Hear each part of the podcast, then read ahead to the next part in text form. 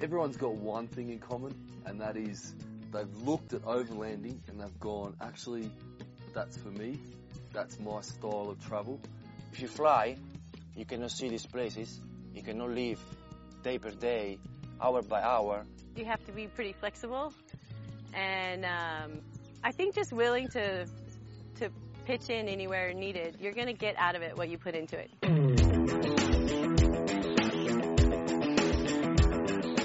whole point of overlanding is going off the beaten track. I've always wanted to do it for that reason, and you you know you're camping where you stop because you're not just going from town to town. It is an adventure sometimes.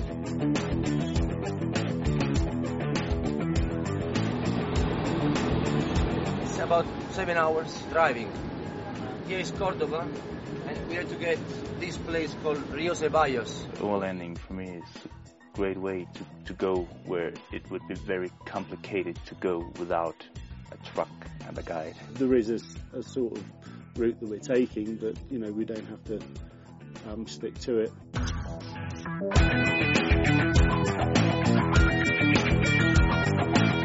The leaders are very safety conscious and also very hygiene conscious, which is a, is a big bonus when you're, you know, living in a, in a tight space with, with a large group like this. Basically, my job on this trip as a co-driver mechanic, I have to look after um, our lovely truck called Mamacita.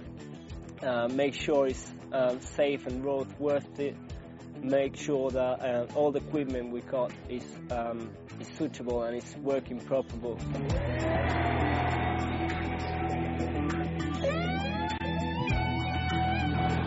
During a trip like this, you form really good friendships, and um, I think that's one of the things that makes a good overland trip. You have sometimes amazing situations that you share, you know, with people, so you will remember that forever. And also sometimes you have days which are a bit more difficult, and you will remember those uh, as well. And and that creates, uh, you know, friendships. I think that will last beyond the trip. Normally, the first two days, three days, they like a little bit shy, you know, they don't talk too much. But after two, three days, a little bit like a, a little family at the end of the trip.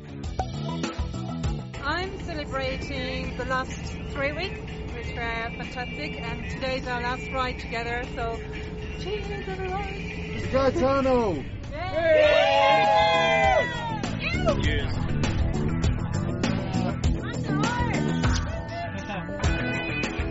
Is a disco bar truck. but normally, last day is always like this.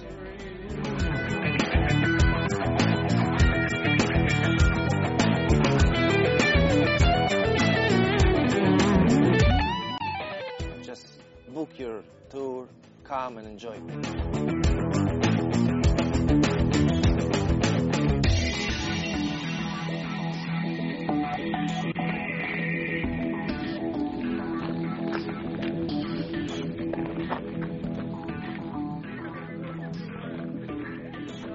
Ha ha ha ha!